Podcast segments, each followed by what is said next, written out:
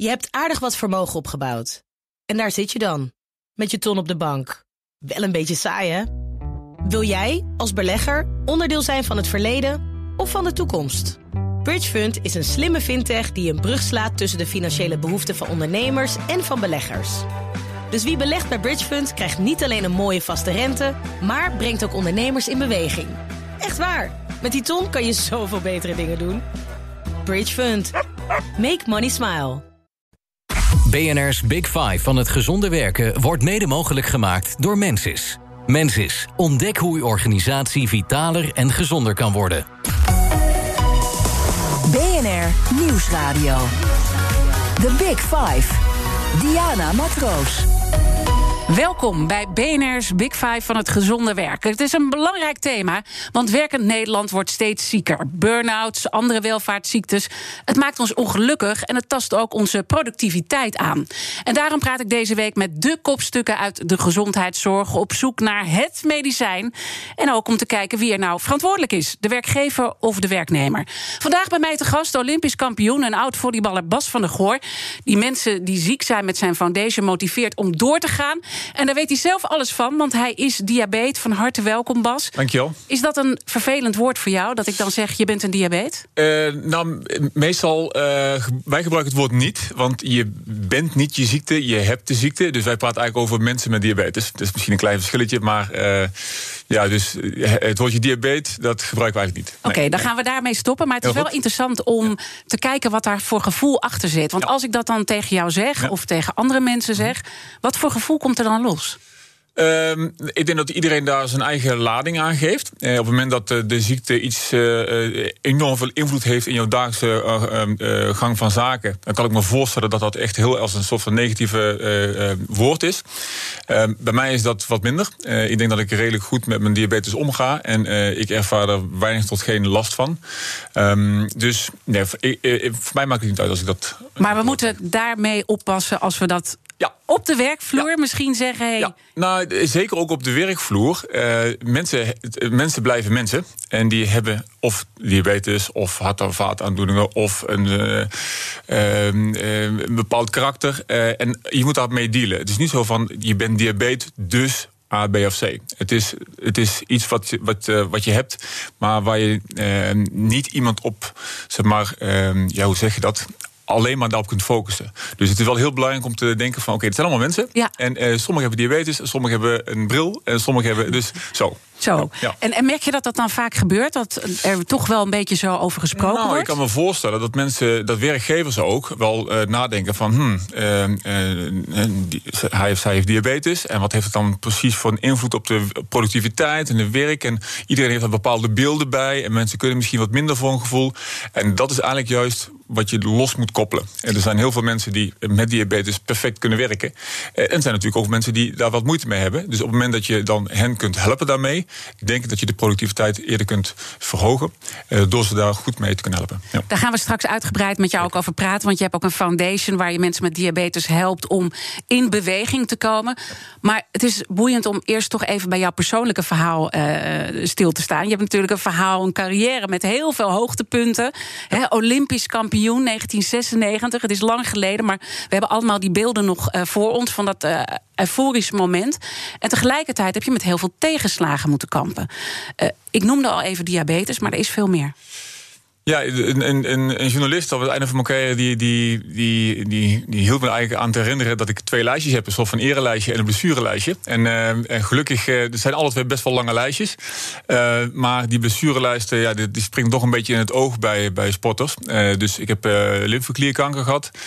Um, ik heb ook hepatitis A gehad. diabetes type 1. Um, ziekte van Pfeiffer. Dus het zijn, ik heb ook nog een TIA gehad. Dus er zijn eigenlijk wel allemaal zaken en de meeste ook die niks met sporten te maken hebben. Dus ja, dat is, dat is in de categorie puur pech. Ja. Puur pech? En ja. je vertelt het best nuchter. Vind ik. Ja, soms dan kan, kan, ik er wel wat klinisch over praten. ik heb natuurlijk nu wel een klein beetje ervaring met hoe het is om even vervelend nieuws te krijgen. en dan is vaak um, in de eerste instantie is het echt wel heel pittig natuurlijk. Zeker als het gaat over kanker. Want ja, dan zakt echt even de vloer onder, onder je weg. Alle verhalen die je hoort van dat het altijd heel erg erg is om te horen van iemand anders. En als het dan jezelf overkomt, dat is dan echt verschrikkelijk. Um, en dan gaat het er even om, oké, dan komt het nieuws binnen. En hoe ga je daarmee om? En dat is in, in het begin is dat echt nog even stoeien. En dan wordt het even wel zwart, de periode. Maar op een gegeven moment uh, kreeg ik ook wel wat, wat signalen van... nou, het gaat best wel de goede kant op. En dan is het denk ik wel heel belangrijk om ook, niet alleen voor jezelf... maar ook voor je familie, zeg maar, een beetje de positieve vibe erin te houden. En de ene gaat het wat makkelijker af dan de ander. Um, ik heb zelf het idee dat het bij mij uh, best wel makkelijk gaat. En dat ik er nu op deze manier ook wel vrij klinisch over kan praten.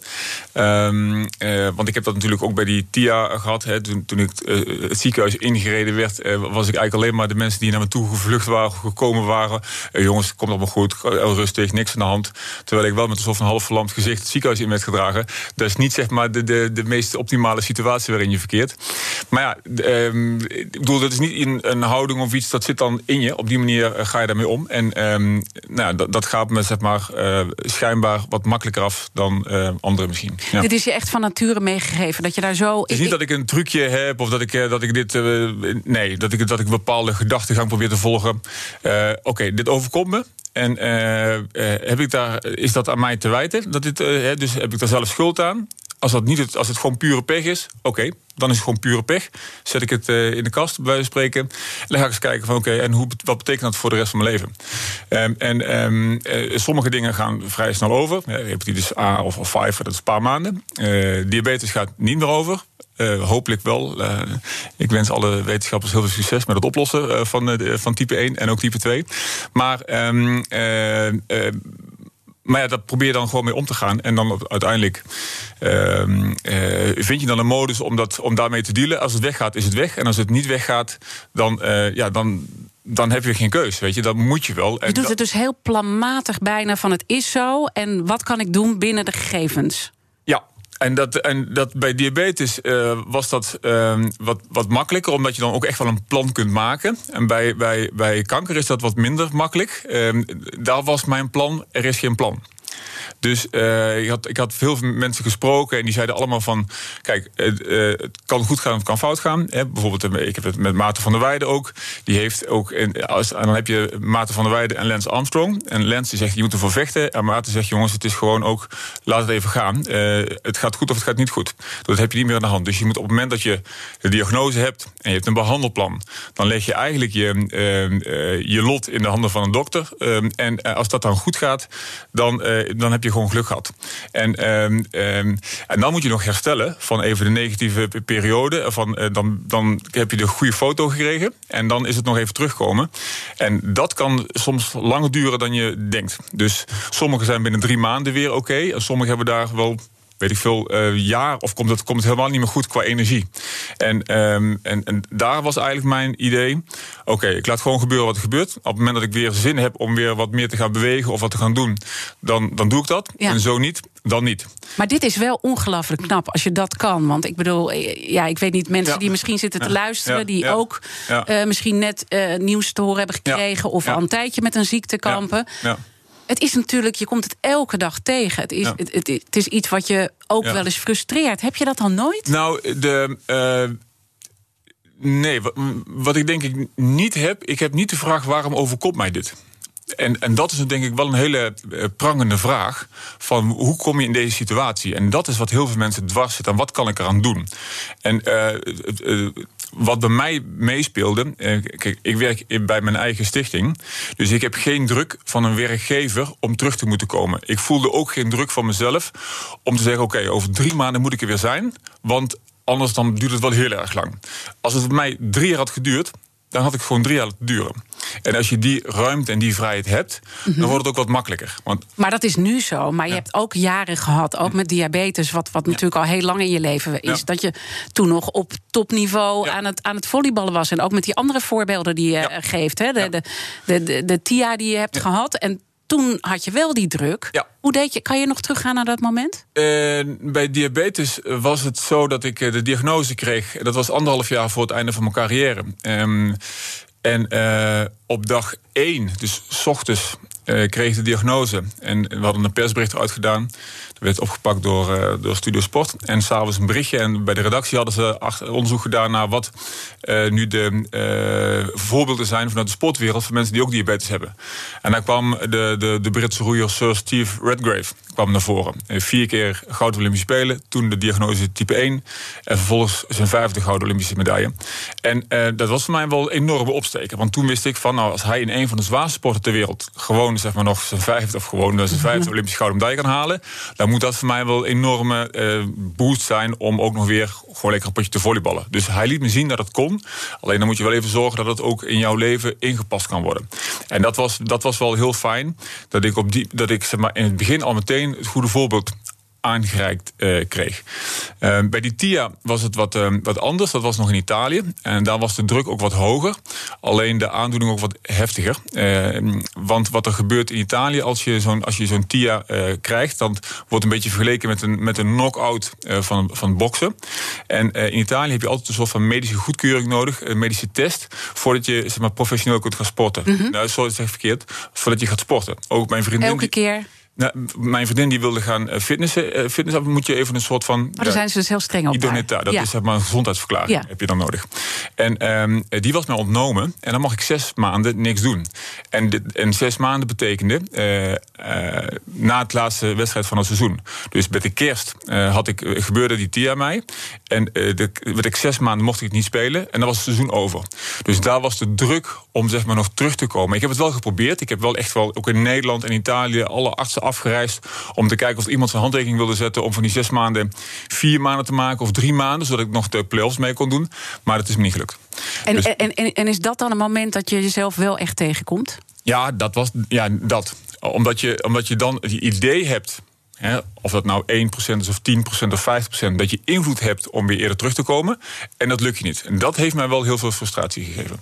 En wat heb je toen gedaan om daaruit te komen? Want ik probeer ook de koppeling te maken hè, van welke verantwoordelijkheid heb je nou als werknemer uh als je ziek bent, als je moeilijke dingen. Mhm. wat, wat hielp jou toen? Um, nou, ik had het idee ook een klein beetje dat ik niet helemaal mee, dat dat niet helemaal meegewerkt had vanuit Italië. Dus zeg maar de artsen daar. Eh, ik ben hier in Nederland namelijk, uh, toen het in de krant kwam dat ik een tier had, is er een Nederlandse arts geweest. Die heeft me gebeld en gezegd van luister, ik denk dat ik weet wat het is. Uh, ik wil je wel graag zien en dan kan ik je helpen. Dat heb ik gedaan. nadat ik e-, eerst door de molen ben gegaan in Italië. En daar hadden ze zeg maar, een totaal andere kijk op zaken. En ze dachten dat het wat, wat er in Nederland gezegd werd, dat dat niet kon. Nou, achteraf blijkt dat het wel goed is mhm. gegaan. Dus zeg maar, die, dat was een beetje een strijd. En dat voelde in Italië niet heel erg lekker. Dus er waren op een gegeven moment ook zoiets. Luister, wij denken dat dit het is. En wij houden je aan die zes maanden. Dus dat voelde heel erg. Omdat je dan het idee hebt dat zeg maar, de werkgever niet heel erg open staat. om inzichten van andere mensen eh, mee te nemen in hun beleid ten opzichte van mij. En ja, dat voelt dan heel erg vervelend. Omdat je ik was, ik, ik voelde me oké. Ja. Ik kan me voorstellen. Je wilde als, gaan? Als, ik wilde gaan en de werkgever niet. Die trok aan de handrem. Nou, dit soort, dit soort die TIA's in de sportwereld, dat komt niet heel vaak voor. Dus ik kan me voorstellen dat ze heel erg voorzichtig waren. Want stel je voor dat het nog een keer zou gebeuren. Nou ja, dan wordt het een verzekeringszaak en ik weet niet wat dan allemaal speelde.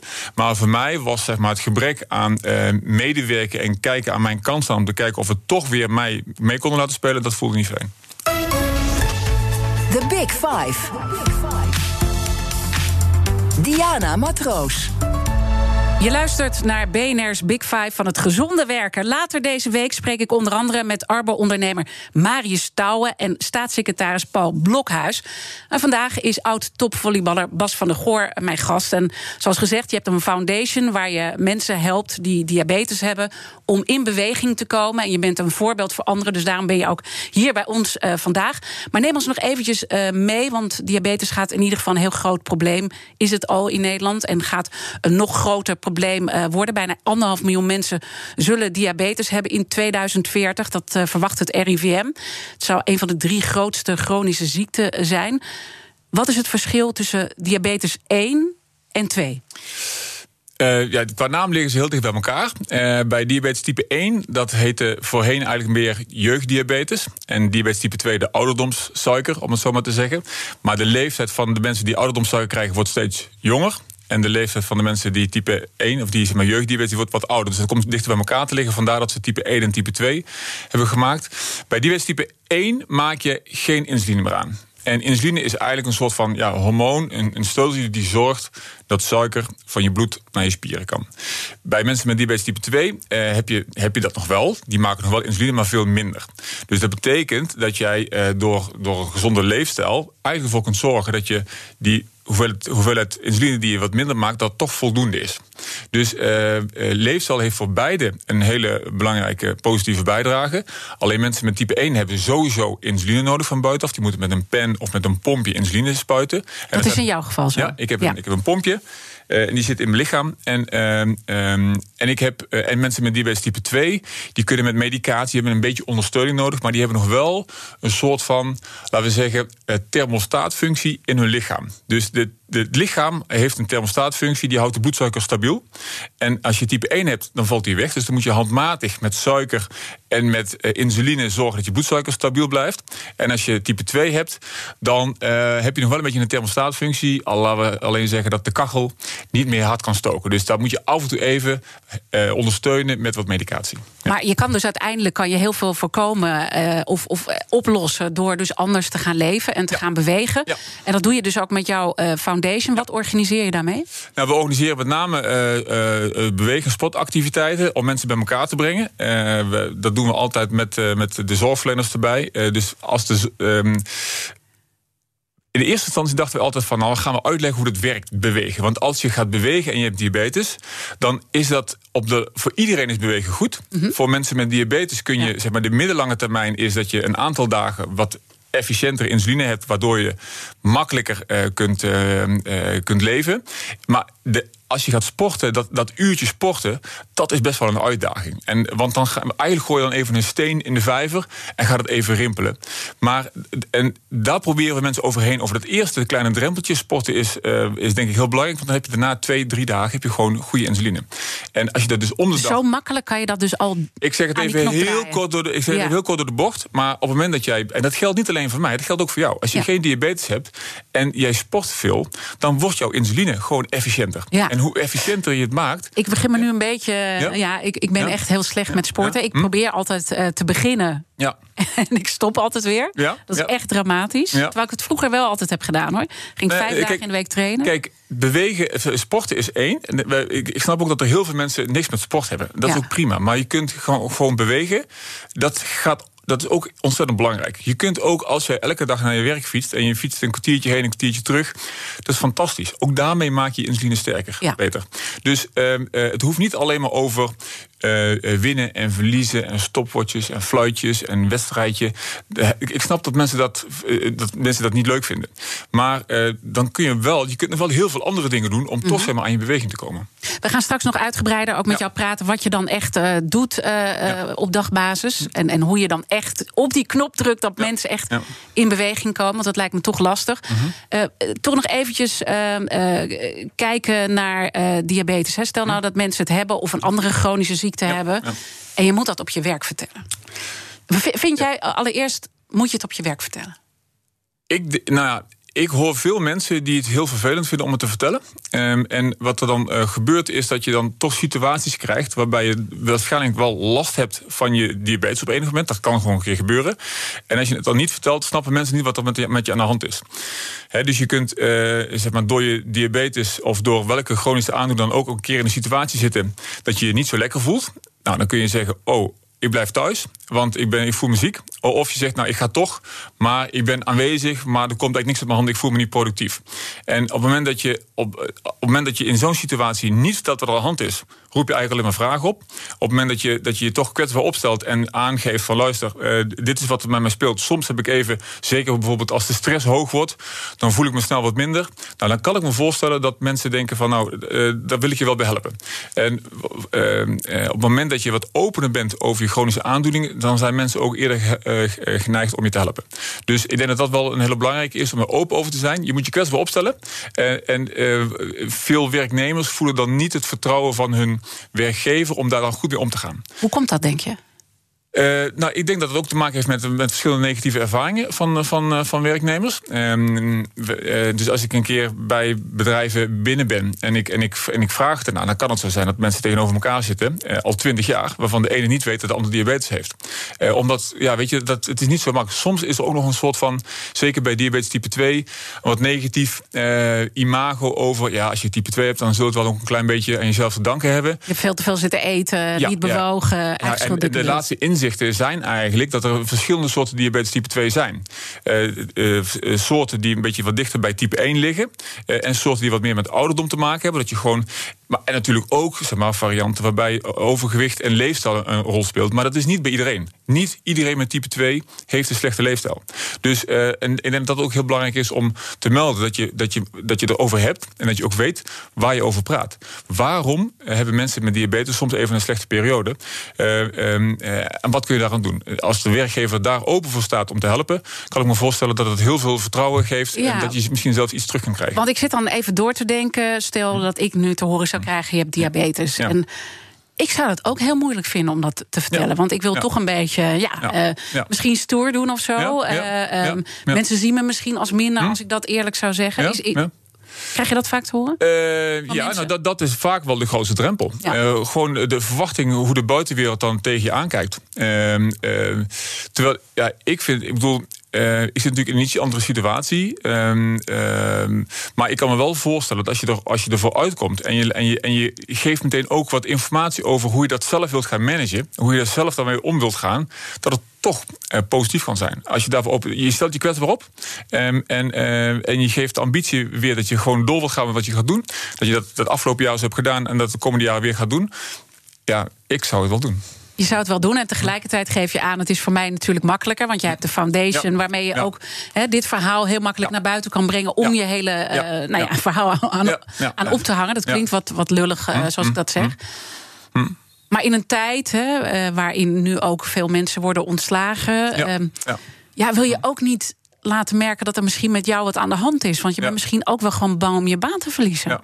Nou, dat kan ik me eh, goed voorstellen. En zeg maar, werkgevers die, uh, die, uh, die de keuze hebben uit twee mensen die even goed zijn. En één heeft diabetes en de ander niet. Of een andere chronische aandoening. Ja, ik denk dan toch. maar goed, dat is, dat is, dat is natuurlijk makkelijk praten van wij van WC Eend adviseren WC Eend. Ik denk toch als je mensen met, met diabetes alleen puur op hun kwaliteit op het werk beoordeelt dat dat de meest zuivere. Uh, ja, maar dan moet er dus aan één kant moet er openheid komen van de werknemer. Want dat Absoluut. zet je uiteindelijk in je kracht door de kwetsbaarheid te tonen. Ja. Maar het vraagt er ook wel iets van die andere kant, toch? Want het taboe is er niks voor niks. Dat is een interessante vraag. Want dat, dat is natuurlijk. Ja. Uh, uh, ik kan me voorstellen dat mensen die in die situatie zitten. en af en toe misschien de ervaring hebben dat het lastig is om werk te vinden. of zeg maar. die ervaring hebben op het werk dat het af en toe best wel lastig is. Reden te meer om te kijken wat je zelf aan kunt doen en met een plan komen, zodat jij ook uh, met, uh, uh, als het gaat over de leefstijlfactoren, voeding en bewegen en slaap en stress, om daarmee aan de, aan, aan de slag te gaan. Dus je zegt toch eigenlijk een hele grote verantwoordelijkheid voor de werknemer?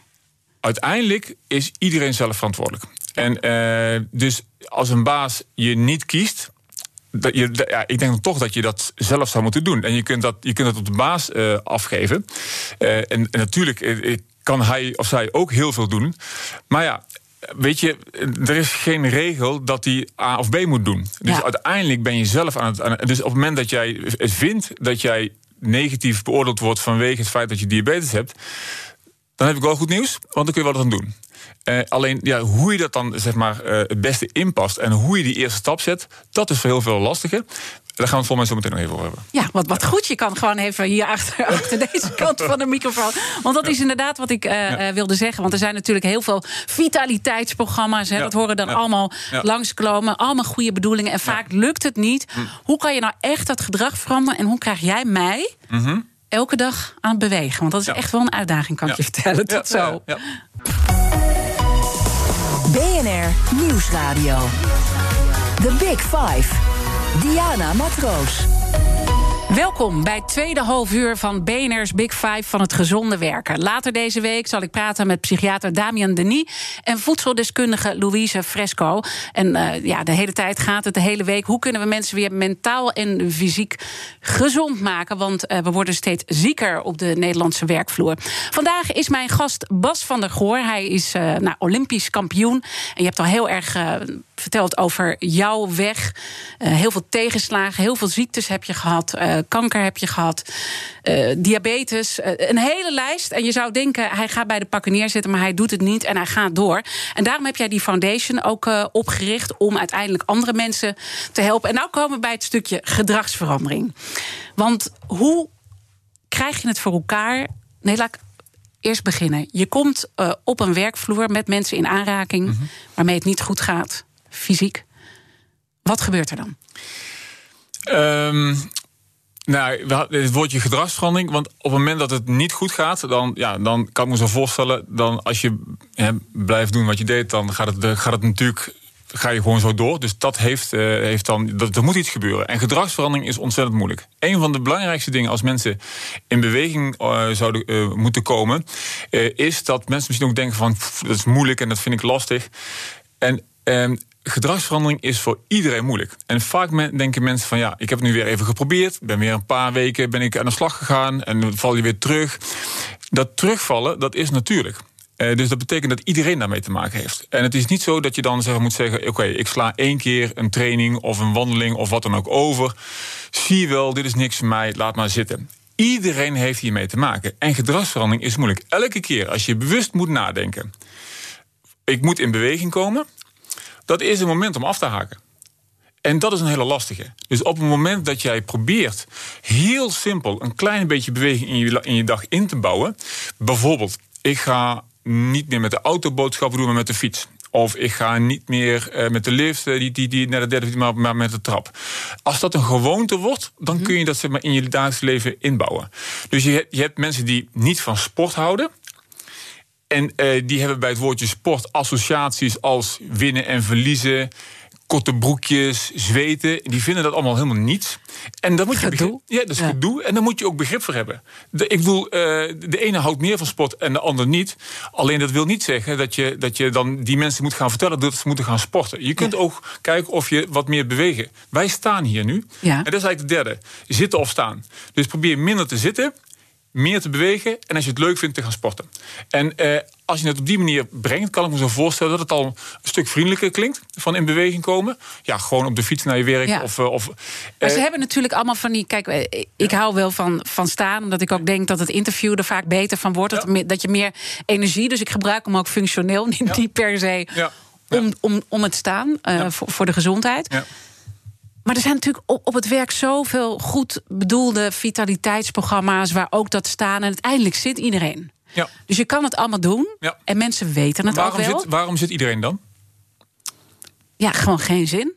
Gewoon een soort. Ik denk eh, gewoon wat je gewend bent. Gewoon... De, de, de, de, belangrijkste, het, ja. de, nou, de belangrijkste motivatie om je gedrag te veranderen is dat het, dat je, dat het intrinsiek is. Dat, het, dat je weet wat het je gaat opleveren. Ja. Dus op het moment dat je, je daar zeg maar, een kwestie.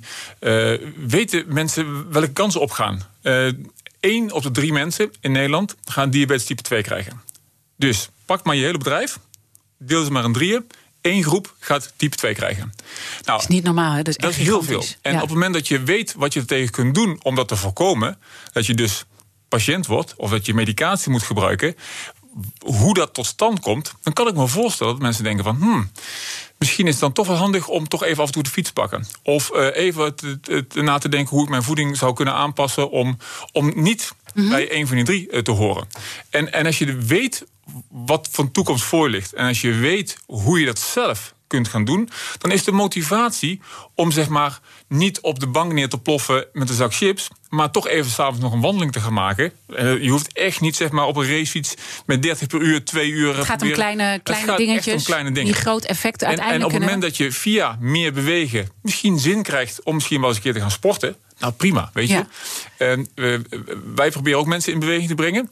En wij hebben gezien dat het sociale aspect uh, van, van in beweging zijn enorm belangrijk is. Kijk, ik sport nu, ik ben nu gewoon recreant. Uh, dus ik, ik, was ooit zeg maar topsporter, topsporter ja. met de motivatie om elke dag zoveel mogelijk prijzen te winnen of daaraan te werken. En nu ja, als ik nu ga hardlopen of ga fietsen, ja. dan bungel ik ergens onderaan qua snelheid. Maar ik vind het gewoon prima. Ik, ik kan daardoor beter mijn glucosewaarde managen.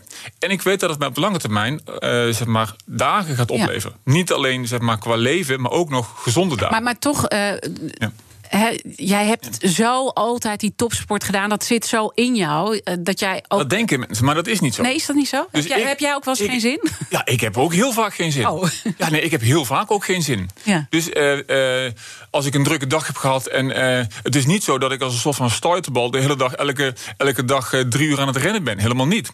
Ik, ik, ik sport twee keer of drie keer en soms vier keer. en dan ga, ik, dan ga ik een uurtje fietsen of, of, of wat anders. Maar het is niet zo dat ik als een soort van bezeten de hele dag in beweging ben. En als jij geen zin hebt, hoe, hoe, hoe motiveer nou, je jezelf qua gedrag om het wel te doen? Nou, wat mij motiveert is dat ik een, een uitdaging in mijn agenda zet.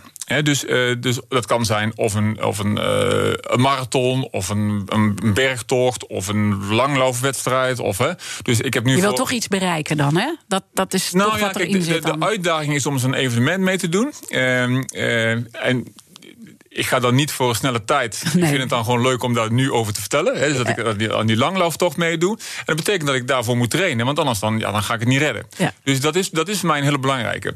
Uh, zomaar zonder doel één keer in de week een bepaalde sport doen. Um, ja, dat vind ik toch best wel lastig. Ik heb natuurlijk heel lang gevolleybald. En de vraag is, volleybal je nog? Nee, ik volleybal niet meer. Want elke, elke week, zeg maar, die training... Eh, ik heb, ja, dat is toch wel lastig in de agenda in te plannen. En het feit dat ik alleen kan sporten en kan doen wanneer ik wil... is voor mij eigenlijk uh, veel belangrijker. Dus Jij hebt dan toch dat doel uh, nodig, maar is dat dan voor iedereen? Is dat de tip die je aan anderen geeft? Of moeten anderen toch een andere knop vinden om dat gedrag structureel te veranderen? Kijk, wij hebben in het begin hadden wij een activiteit met de stichting, de Nationale Diabetes Challenge. En dan hadden wij het idee van wij gaan nu vertellen dat bewegen gezond is en dat je dat moet doen. Ja. Um, maar we zijn er eigenlijk een beetje op teruggekomen. Wij denken dat gezondheid de belangrijkste bijzaak is van wat we doen. Want waarom doen mensen graag mee? Is dat omdat, omdat ze dan vinden dat wij mensen gezond moeten maken? Of omdat ze het gewoon leuk vinden? Hoe vaak heb je een dieet gevolgd, wat heel gezond is, maar wat je eh, toch niet, niet hebt volgehouden? Wat je toch niet hebt volgehouden. Als je een dieet hebt waar je alles mag eten wat je lekker vindt en het schijnt te helpen, nou, dat dieet wil iedereen volgen omdat dat gewoon, dan kun je gewoon lekker uh, losgaan. Dat is bij bewegen precies hetzelfde. Als bewegen zeg maar, moet omdat het gezond is, ja, dan denken mensen, daar krijg je mensen niet mee uit de bank. Maar op het moment dat je een activiteit maakt, waarbij mhm. mensen denken van, hé, hey, uh, aanstaande elke woensdagavond om half zeven gaan we een stuk wandelen met een aantal mensen die uh, ook in dezelfde situatie uh, zitten, ook allemaal diabetes hebben. En, en dan loopt ook nog een, een, zorgverlener mee die als het even fout gaat, ja. ja, daar wil ik gewoon bij zijn. Dus dat is het sociale aspect wat het belangrijk maakt. Dus niet het winnen-element, niet het moeten vanwege gezondheid. Sterker nog, dat moet je weghalen. Ja. Dat moet je weghalen. Dus dat is eigenlijk een tip aan de werkgevers al die je geeft. Ja. Moet je het als werkgever misschien ook gewoon verplichten? Want uiteindelijk de mensen die bij jou komen, bij die foundation... Ja. die zijn al gemotiveerd. Die zijn ergens al geraakt om mee te gaan doen. Ja. Nou ja, kijk, als je de vraag stelt... wie wil er gezond oud worden, steekt iedereen zijn hand op. Ik ook. Ja, iedereen wil gezond oud worden. Ja. Weet, en waarom doen mensen dat dan niet? Zeg maar, waarom volgen mensen dan niet de, de, een gezonde leefstijl? Gewoon heel simpel, want dat is toch wel de reden van heel veel leefstijlgerelateerde chronische aandoeningen. Een ongezonde leefstijl. De vraag is: heeft dat met kennis te maken of met de moeilijkheid van gedragsverandering? Weten mensen wat ze zelf kunnen doen om zeg maar, uh, een gezondere leefstijl te, te, te, krijgen? Of is dat nog niet duidelijk? Moet er nog een stukje educatie jij? Nou, ik denk dat het voor heel veel mensen nog niet duidelijk is. En als we er met een groep eh, specialisten over praten, dan zitten we in die specialistenbubbel. En er is een enorme scheiding tussen mensen, uh, leefstijl op, op zeg maar, de hoge sociaal-economische posities en de lage. Ja. En daar is vaak, en daar speelt het, het, het grootste probleem. En, uh, ik heb een, een, een, presentatie van een, van een hoogleraar die aangeeft dat eigenlijk gebrek aan opleiding de hoogste driver is voor diabetes type 2. Verschrikkelijk, verschrikkelijk als die twee dan Ja, bij elkaar komen. Als die twee bij elkaar komen. Laten we dan straks eh, verder praten wat er moet gebeuren qua preventie, wa- wat de taken zijn van de werkgever in dat geheel. Ja. Maar eerst. Dank je. BNR Nieuwsradio. The Big Five. Diana Matroos. Je luistert naar BNR's Big Five van het gezonde werken. Mijn gast vandaag is Olympisch vo- volleybalkampioen en diabeet Bas van der Goor. Eh, we zaten net op het punt van de communicatie, het kennisgebrek, wat er toch eh, is. En ook bepaalde nou ja, milieus die dan minder kennis hebben dan de hoogopgeleide eh wellicht. Hoe kan de werkgever nou zijn rol pakken? Want je hebt goed aangegeven wat wij als werknemer moeten doen. Zijn rol pakken om ons fysiek en mentaal gezonder te krijgen? Eh, vlak voordat eh, Raymond erin kwam, eh, vroeg je van moeten we dat dan gaan verplichten? En ik denk dat dat niet de goede manier is. Eh, eh, ik denk dat de mensen die niet willen, onder wat voor omstandigheden dan ook, die krijg je nooit mee. Maar er is wel een hele grote groep die voelt dat ze, dat ze eigenlijk nog even over de drempel gehaald moeten worden. Dus wat mij betreft is mensen verleiden om in beweging te komen een hele belangrijke. En hoe kun je dat doen? En ik denk dat het dan ook te maken heeft met educatie. Dus gewoon vertellen welke kant op gaat. Eh, eh, zodat mensen zelf gaan inzien van... hé, hey, ik krijg een kans... Eh, ik weet hoe het zit en ik weet wat ik moet doen. En mijn werkgever gaat me daarbij helpen. Eh, in plaats van dat de werkgever zich ermee gaat bemoeien. Dus zeg maar, mensen gaan helpen of mee gaan bemoeien. Een heel andere Dat is een totaal ander eh, spanningsveld. Eh, en dat betekent dat er misschien wat extra effort bij de. eh, eh, want het is natuurlijk makkelijker om te zeggen: dit gaan we doen en je doet mee. Dan iedereen afzonderlijk zeg maar, proberen te motiveren om mee te doen. Eh, dus dat is best wel een lastige. Eh, Want zie je dat werknemers, eh, werkgevers daarmee worstelen met die rol? Nou ja, ik weet natuurlijk niet precies hoe de werkgevers daar doorgaans eh in zitten. Ehm, ehm, eh, eh, hoe, hoe dat bijvoorbeeld ook in, in de gesprekken met de werknemers, de individuele gesprekken, de, de evaluatiegesprekken, of dat in meegenomen wordt. Ehm, maar ik kan me voorstellen dat, dat je dat wel bespreekbaar moet maken eh, bij, bij die verschillende gesprekken. Zou je al bij de sollicitatie, misschien heel gek, je, je, je hebt een sollicitatiegesprek, dat je dit gewoon onderdeel maakt eh, van het gesprek? Van wij vinden het eh, fijn dat we hier Ja. eh, op een gezonde manier werken? Ja, ja, ja ik. ik ehm, ja, dit is wel een lastige vraag. Ik weet niet precies hoe, hoe dat dan. eh, dat moet je wel op de juiste manier doen. Want het kan natuurlijk ook overkomen als van. Als je hier wil werken, dan moet je je zo en zo gedragen. Want anders komt het niet goed. En aan de andere kant, ook dit is weer net wat, eh, wat Raymond ook zegt. Het is wel gewoon communicatie. Ja. Op het moment dat je het gevoel hebt. Dat Jurgen je, trouwens. Oh, sorry, wat zei ik? Jurgen, zei ik toch niet? Ja. Raymond. Oh, sorry. eh, Nee, Jurgen, maakt, maakt helemaal niet uit. Maakt helemaal niet uit. Jurgen, Raymond. ehm, ehm, als je. eh, ehm, het gaat heel erg over de manier van communiceren. Dus op het moment dat je de, indruk wekt dat je. ehm, eh, dat je toch iets gaat vragen. Of je direct de indruk dat je wil helpen. Dat is denk ik een hele belangrijke. En ehm, ja, hoe je dat dan doet, of, of je dat meteen met het eerste gesprek moet doen. Ik kan me zo voorstellen dat op het moment dat jij het idee hebt van, nou, deze werkgever gaat me daar totaal niet bij, bij helpen. Het, grappig, ik heb vanmiddag ook een paar sollicitatiesgesprekken. Dus ik ga het ook zelf even, even, even meenemen. Ehm, eh, hoe, hoe je dit, leuk, ja. ja, hoe je dit zou moeten doen. Ehm, maar je, je, je balanceert op een dun lijntje. Eh, zeker bij het eerste gesprek. Want mensen komen toch binnen en gaan over. Als het dan meteen over gezondheid gaat. Ja, ik denk dat het goed is voor de werkgever om aan te geven dat ze altijd willen helpen. Hoe je er dan ook in zit. Mhm. Maar om dan meteen te gaan zeggen van ja, er zitten wel een paar voorwaarden aan. En een van, de, een van die voorwaarden is dat, het, dat je wel gezond moet leven. Dat is best wel lastig volgens mij. We hebben ook een mooie vraag altijd van de, de, de vorige gast. Ja. Die ook een beetje kan helpen van nou, wat zo'n werkgever misschien meer zou kunnen doen. Mhm. In de vorige aflevering, dat was afgelopen week, was Sander Schimmelpenning eh, te gast. Hij was te gast bij mijn eh, collega Art Rooijakkers in BNR's Big Five van de opiniemakers. Mhm. En Sander had eh, deze vraag toen voor jou. Ik zou hem wel willen vragen of corona er nu voor gaat zorgen dat de kantoortuin, waar ik eh, toch ja, mijn werkende leven met zeer veel tegenzin heb staan, te, als een plantje heb gezeten in die kantoortuin, eh, of die nou eindelijk afgeschaft gaat worden dankzij corona. Want ik heb nooit begrepen dat mensen in kantoortuinen willen werken, dat bazen dat effectief vinden, dat werknemers het leuk vinden. Ik heb het gewoon nooit begrepen en ik hoop dat het nu echt afgelopen is. Ja, ehm, je zou bijna zeggen van eh, iedereen is nu aan thuiswerken. In het begin leek het heel erg van oké, dan kun je echt je ding doen. En misschien dat mensen langzaam weer terugverlangen naar de kantoortuin. Dat je eindelijk weer een beetje contact met elkaar hebt. Dat je, een, dat je weer even.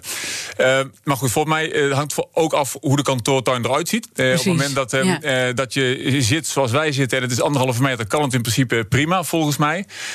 ik, zie, ik heb hier uitzicht op een kantoortuin en daar zijn heel veel lege, lege plekken. Dus je, je kunt je voorstellen dat dat werken toch een stuk flexibeler wordt. waarbij je. Um, uh, ja, toch de ruimte anders moet gaan gebruiken. En ik denk juist dat het persoonlijke contact heel erg belangrijk is in deze periode. Want iedereen zit thuis, iedereen doet zijn ding. En toch vallen er soms wat dingetjes tussen de, tussen de, tussen de mensen in, wat, wat taken. En um, um, ja, wij daar, daar ligt misschien wel een taak voor die, voor die werkgever om toch meer contact te hebben met mensen, gewoon van hoe is het met je? Ja, ja absoluut. Ja. ja. Misschien is het toch wel aardig om nog even kort te, te melden. Hoe, eh, dus als ze willen gaan bewegen, dan is dat vanuit de werkgever is heel belangrijk. Maar het is denk ik belangrijk dat iedereen het doet. Of het nou vanuit onderwijsinstellingen komt, of het nou vanuit de zorg komt, of het nou vanuit de gemeente komt. Iedereen heeft daar verantwoordelijkheid in. En op het moment dat je daarin samen kunt werken, dat is volgens mij wel heel erg belangrijk. Want uh, uh, meer bewegen en leefstijl lijkt een beetje alleen bij de zorg te liggen. Maar ik denk dat het ook bij de, de gemeentes ligt misschien ook in het onderwijs, ook bij de werkgever. Als je op verschillende plekken komt en iedereen geeft aan: luister, bewegen is belangrijk, gezonde voeding is belangrijk, slaap uh, voldoende. Dat zijn allemaal hele belangrijke uh, zaken. Als je dat drie, vier keer per dag hoort op verschillende plekken, dan ben je eerder geneigd om daarmee aan de slag te gaan. En een hele belangrijke die daar ook nog bij zit, is natuurlijk, ja, dat moet dan ook allemaal betaald worden. Ja, die dat je, en dan zitten de zorgverzekeraars zitten aan tafel. Nou, ik denk dat het goed is dat we nu samen in, in, het, in het veld stappen om te kijken hoe we dat beste kunnen organiseren. Dus en de gemeente, het sociale domein, mhm. de sport, de zorg, eh, de werkgevers en de zorgverzekeraars samen om te kijken hoe we hier een oplossing voor kunnen, kunnen bedenken. En die oplossing die is er nog niet. En die moeten we samen gaan uitvinden. En ik denk dat het heel goed is om verschillende locaties te kijken hoe iedereen dat zou kunnen inrichten en, en wat we daarvan kunnen leren. Dus eigenlijk staat er nog heel veel open wat we, wat we nog met elkaar moeten onderzoeken, wat eigenlijk echt werkt. En misschien is het daar ook mooi om meteen de kettingvraag voor morgen mee te nemen. Want dan is Marius Touw, mijn gast uh, van Zorg van de Zaken, heeft ontzettend veel uh, prijzen gekregen over hoe zij nou ja, vorm hebben gegeven aan die organisatie. En dat zit aan de Arbo-kant. Hij is Arbo-ondernemer. wat zou je vraag zijn aan Marius? Nou, ik, ben, ik, ben, uh, ik heb geprobeerd zelf uit te leggen, maar ik zou het ook heel erg mooi vinden hoe, hoe uh, hij ongemotiveerde mensen heeft, zover heeft gekregen dat ze toch meedoen met leefstijlinterventies. Ehm, ehm, want ja, ik, ik, ik heb af en toe wel eens voor zo'n zaal gestaan en dan zie ik mensen een beetje in elkaar zakken en die willen er niks mee te maken hebben. en ik heb natuurlijk wel een idee hoe dat doen en ik zie het bij onze activiteiten gebeuren. Maar hoe dat dan in de relatie werkgever-werknemer ehm, gebeurt, ja, ik ben heel benieuwd. Ja, dus dat we daar toch iets meer antwoorden krijgen om naar die oplossing zijn, ja. zijn antwoord. Ik ga het hem uh, zeker vragen. Ik zat nog even naar jouw eigen drijfveren te zoeken. Dat jij je zo hier gepassioneerd al heel wat jaar voor inzet. Wat is dat in jou? Ja, ik gun iedereen een gelukkig leven. En, uh, en ik denk dat, um, uh, dat mijn ervaring, tenminste, ik merk het als ik met andere mensen praat, dan, ja, dan, dan doet mensen wat. Uh, dus ja, probeer dat zoveel mogelijk over te brengen. heel veel en als je kijkt hoe lang mensen leven, eh, en met name ook hoe, hoe lang ze gezond leven, eh, daar zit een enorm verschil in. Dus sommige mensen leven nog een jaar of 15, zeg maar, in ongezonde toestand, om het zo maar te zeggen, maar sommigen wel 30 jaar. En het zou heel mooi zijn als iedereen wat langer van een gezond leven kan eh, genieten. En nou, daar wil ik graag aan bijdragen. En heb je dan zo'n verhaal, iemand die je hebt geholpen, die echt helemaal veranderd is, waarvan je zegt: Wauw, wat daar gebeurt, nou, echt enorm kick. verschillende verhalen van mensen die van 160 kilo alleen door meer te gaan bewegen. Uh, tot, en met 200 eenheden insuline helemaal terug zijn naar 0 eenheden insuline. Dus van de medicatie af. Uh, eh, 90 kilo wegen. Uh, en, en weer gewoon helemaal vrij in het, in het leven staan. mensen die nieuwe vrienden maken door, door te gaan, gaan wandelen. ja, dus iedereen ik vond het af en toe mee met de wandelgroepen die ik. En ik hoor elke keer weer ook totaal nieuwe eh, verhalen die ik niet verwacht had. Mensen die eenzaam zijn, die gewoon uh, mee gaan wandelen, nieuwe vrienden opdoen, energie krijgen. Ja, dat, dat doet mij heel veel. Ik vind het heel erg mooi. Weet je wat ik nou zo mooi vind? Hm? Dat woordje vrijheid, wat je zei. Mhm. Dus hm. dat je eigenlijk uh, rondom dat ziek zijn en dingen moeten veranderen, zit heel veel moeten. Ja, ja, ja, En eigenlijk moet je dat gevoel van vrijheid misschien voor je zien. Ja, het woordje moeten, dat zorgt voor mij altijd voor een soort, voor een soort van mentale handrem. Ja, voor en, mij ook. En, en dus uh, laten we niks verplichten, maar laten we mensen gaan verleiden naar een gezonde leefstijl. Heel veel dank uh, voor jouw inzichten, Bas van der Goor. En uh, natuurlijk morgen is Marius Touw mijn gast. Ik hoop dat jullie dan ook weer luisteren. En alle afleveringen van onze uitzendingen zijn zoals altijd terug te luisteren in onze podcast, uh, de BNR-app en op bnr.nl. Maar natuurlijk straks Jurgen Rijman met Ask Me Anything. Ook daar weer een heel mooi topic. Dus luister gewoon naar BNR. De hele dag live. Een mooie dag. BNR's Big Five van het gezonde werken wordt mede mogelijk gemaakt door Mensis. Mensis, ontdek hoe uw organisatie vitaler en gezonder kan worden. Je hebt aardig wat vermogen opgebouwd. En daar zit je dan, met je ton op de bank. Wel een beetje saai, hè? Wil jij, als belegger, onderdeel zijn van het verleden of van de toekomst? Bridgefund is een slimme fintech die een brug slaat tussen de financiële behoeften van ondernemers en van beleggers. Dus wie belegt bij Bridgefund krijgt niet alleen een mooie vaste rente, maar brengt ook ondernemers in beweging. Echt waar. Met die ton kan je zoveel betere dingen doen. Bridge Fund. Make money smile.